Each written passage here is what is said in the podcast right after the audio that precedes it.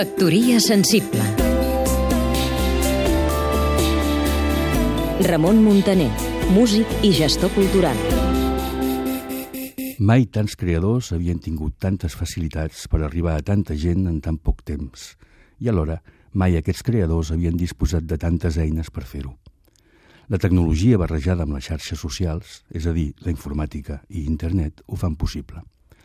La nostra cultura, quasi sense adonar-se, s'ha hagut d'adaptar a les noves tecnologies digitals i a la xarxa fins a arribar a modificar tant el llenguatge de molts creadors com els hàbits culturals, la forma de produir-la i de difondre-la i fins i tot la manera de consumir-la del seu públic.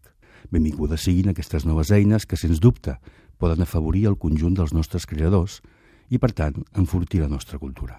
El mes de gener de l'any 1959, en un article publicat a la pàgina 15 del número 58 de la revista Germinàvit, precedent del que pocs mesos després seria Cera d'Or, en Lluís Serraïma va publicar un article anomenat Ens calen cançons d'ara, considerat per molts el text fundacional del moviment de la nova cançó.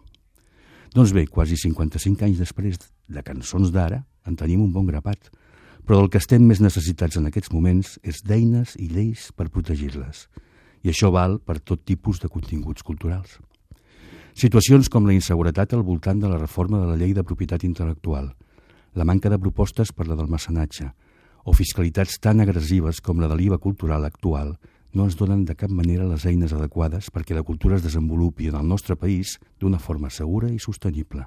Ens calen, doncs, i amb urgència, eines i lleis d'ara.